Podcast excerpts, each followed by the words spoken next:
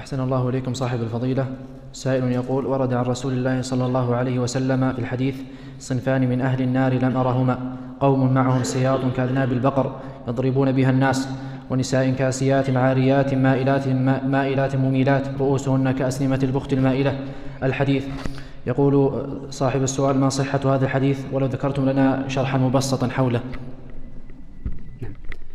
آه هذا الحديث يتكون من جملتين. الجملة الأولى في قول النبي صلى الله عليه وسلم أن أقواما معهم سياط كأمثال أذناب البقر يضربون الناس. المراد بهذه الجملة أي أنه يأتي في بعض الأزمنة ولاة يأتي ولاة معهم سياط يضربون الناس بها في الطرقات لأجل أمور يكون فيها ظلم. وقد جاء في بعض الأخبار أنه رؤي نفس هذه الهيئة في عصور متقدمة. بمثل هذه السياط يأتون وتضرب يضرب الناس في الطرقات من الباعة والمارين وغيرهم. وأما الجملة الثانية وهي قول النبي صلى الله عليه وسلم ونساء كاسيات عاريات مائلات مميلات. هذه الجملة وهو قوله عليه الصلاة والسلام كاسيات عاريات. هذه من الجمل التي ليست على سبيل الوصف المنفصل وإنما هي على سبيل الجمع فهي كاسية عارية معا. أي ليس أن الواو هنا يقتضي العطف وإنما يطلق يقصد بها الجمع فهي كاسية وعارية معا. ومعنى كونها كاسية عارية قيل أي أن هذا اللباس ظاهرا ولكنه في الحقيقة يكون بمعنى العاري. وذلك أن العلماء رحمهم الله تعالى يقولون إن اللباس لا يكون كاسيا إلا بثلاثة شروط سواء كان آه، في ستر عورة الرجل أو في ستر عورة المرأة سواء في الصلاة أو أمام الأجانب. وأنا ذكرت هذه الأوصاف الثلاثة لما؟ لأن لكل حالة من هذه الحالات الثلاث حد يختلف عن الثاني. فعورة الرجل عند الرجل ما بين السرة إلى الركبة وعورة المرأة في الصلاة كلها ما عدا وجهها وكف ما عدا وجهها وكفيها وقدميها على أحد الأقوال وقيل إن كفيها يجب سترهما. وقيل أيضا إن القدمين يجب سترهما لكن الوجه بوجها واحدا يجوز كشفه في أثناء الصلاة. وأما خارجها أمام الأجانب فالأصل فيه ما ثبت عند الترمذي أن النبي صلى الله عليه وسلم قال المرأة كلها عورة إلا ما استثناه الله عز وجل في كتابه ولا يبدين زينتهن إلا ما ظهر منها. والذي ظهر منها أربعة أشياء ذكرها العلماء في محله. فالمقصود من هذا أن الست العورة أو أو الثياب التي تكون ساترة يشترط لها شروط. الشرط الأول أنه يجب أن تكون ساترة للمحل والشرط الثاني أن تكون غير مفصلة له بأن تكون واسعة والشرط الثالث ألا تكون شافة. هذه الشروط الثلاثة. أوردها النبي صلى الله عليه وسلم في حديث واحد وهو ما ثبت أن النبي صلى الله عليه وسلم سئل عن امرأة تصلي في آه الدرع وليس عليها إزار. فقال النبي صلى الله عليه وسلم إذا كان الدرع سابغا يستر ظهور القدمين. فقوله عليه الصلاة والسلام كان سابغا ذكر أهل اللغة أن معنى كون الثوب سابغا أي واسعا غير ضيق. وبناء على ذلك فإن الضيق ليس بساتر.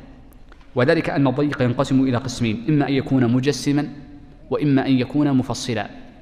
فالمفصل هو الذي يبين حدود العضو تماما.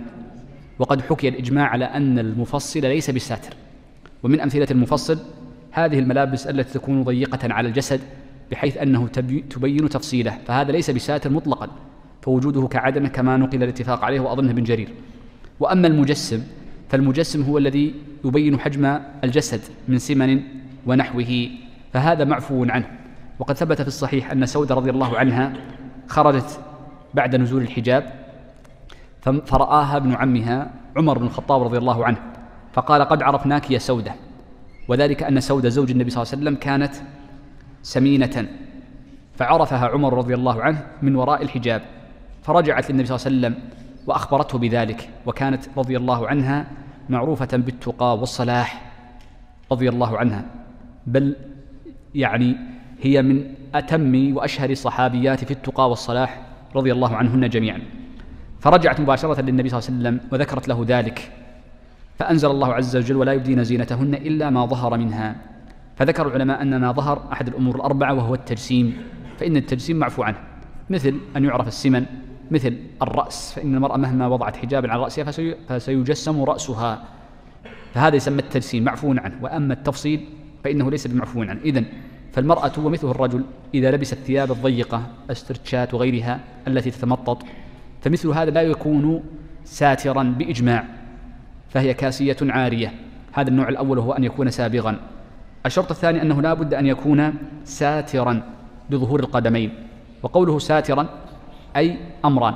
الأمر الأول أن يكون ساترا للمحل فيجب ألا يكشف بعض الأعضاء. وهذا معنى قول النبي صلى الله عليه وسلم المرأة كلها عورة أي إذا خرجت. وهذا على سبيل الأغلب إلا فيما جاز إخراجه وقد ذكرت لكم أنها أربعة أشياء. الأمر الثاني أو الأمر الثالث والأخير أن يكون ساترا بحيث ألا يكون شفافا لأن الشفاف ليس بساتر.